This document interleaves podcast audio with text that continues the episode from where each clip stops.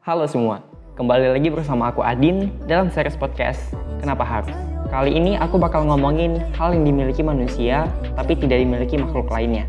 Manusia diberi akal untuk berpikir sehingga dapat merencanakan masa depan. Tapi nggak jarang hal itu justru menjadi masalah untuk manusia itu sendiri yang disebut dengan overthinking. Selama 5 menit ke depan, kita akan membahas tentang kenapa harus nikmatin aja.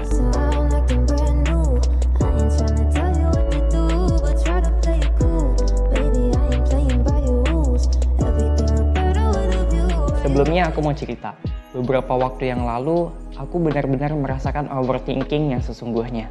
Di mana aku bingung dengan langkah ke depannya dalam merencanakan masa depan dan mulai mempertanyakan hidup dan juga standar kebahagiaan diri aku itu kayak apa sebenarnya. Pikiran itu tuh awalnya dipicu dari aku melihat instastory teman, adik, dan abang kelas yang ngebagiin rasa bahagia mereka dengan memposting pengumuman SBMPTN. Aku merasa bahagia dengan kebahagiaan mereka. Tapi aku juga nggak bisa tutupi rasa iri aku dan juga sedih yang itu tuh bercampur jadi satu gitu loh. Makin ngeliat postingan mereka tuh aku makin overthinking gitu. Terus akhirnya aku memutuskan untuk menutup akses dengan semua media sosial. Dan aku mencoba sebisa mungkin untuk mengalihkan pikiran aku dengan melakukan hal-hal yang produktif, menyibukkan diri sendiri dan anehnya pas mau tidur pikiran itu tuh datang aja gitu tanpa permisi. Dan ya yang bisa aku lakuin itu cuma diem nikmatin overthinking sampai aku pun capek mikirnya. Terus aku coba cerita ke seorang teman yang udah aku anggap seperti kakak aku sendiri. Dan katanya aku itu ada di fase quarter life crisis atau kecemasan seperempat abad Iya, aku tahu kedengarnya agak aneh dan asing, tapi ini tuh beneran ada. Nah, umumnya ini tuh dialami oleh mereka yang berusia 20 sampai 30 tahun. Tapi ada aja sebagian orang yang ngerasain itu di umur 18, 19 tahun gitu. Nah, melalui artikel yang aku baca yang dimuat dalam laman hellosehat.com yang ditulis oleh seorang psikolog bernama Jennifer MPSI tahun 2019 lalu, menurutnya quarter life crisis itu adalah periode seseorang merasa cemas, ragu, gelisah, dan bingung dengan tujuan hidupnya. Contoh, hal yang aku pikirkan belakangan ini deh. Aku itu kuliah di jurusan hukum, tapi hal yang membuat aku tertarik tuh nggak di sana. Terus nih, sampai sekarang tuh aku nggak tahu mau fokus di mana dan hal apa gitu. Diajakin ngomongin budaya ayo, diajakin ngomongin hukum ya ayo gitu.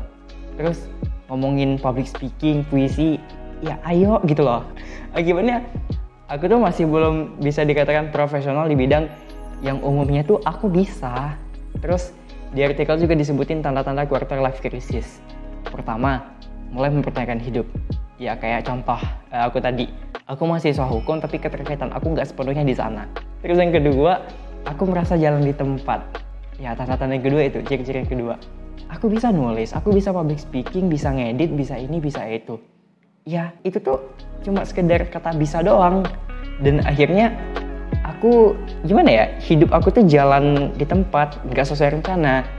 I want to be professional, but how? Itu loh, dua tanda itu tuh yang sekarang jadi tanda tanya besar dalam diri aku sendiri yang aku pun masih nggak tahu jawabannya apa.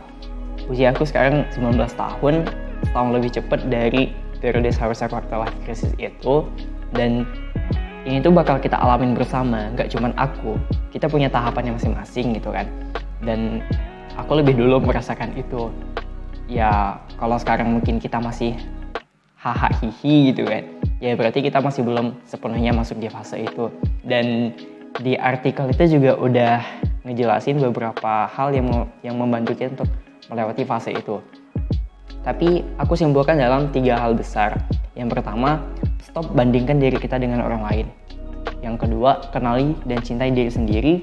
Yang ketiga, beraksi. Tiga hal itu yang akan membantu kita menata hidup lebih baik. Dan untuk kita yang mungkin sedang mempertanyakan diri sendiri, ya jangan pernah takut deh untuk berbagi cerita dengan orang lain.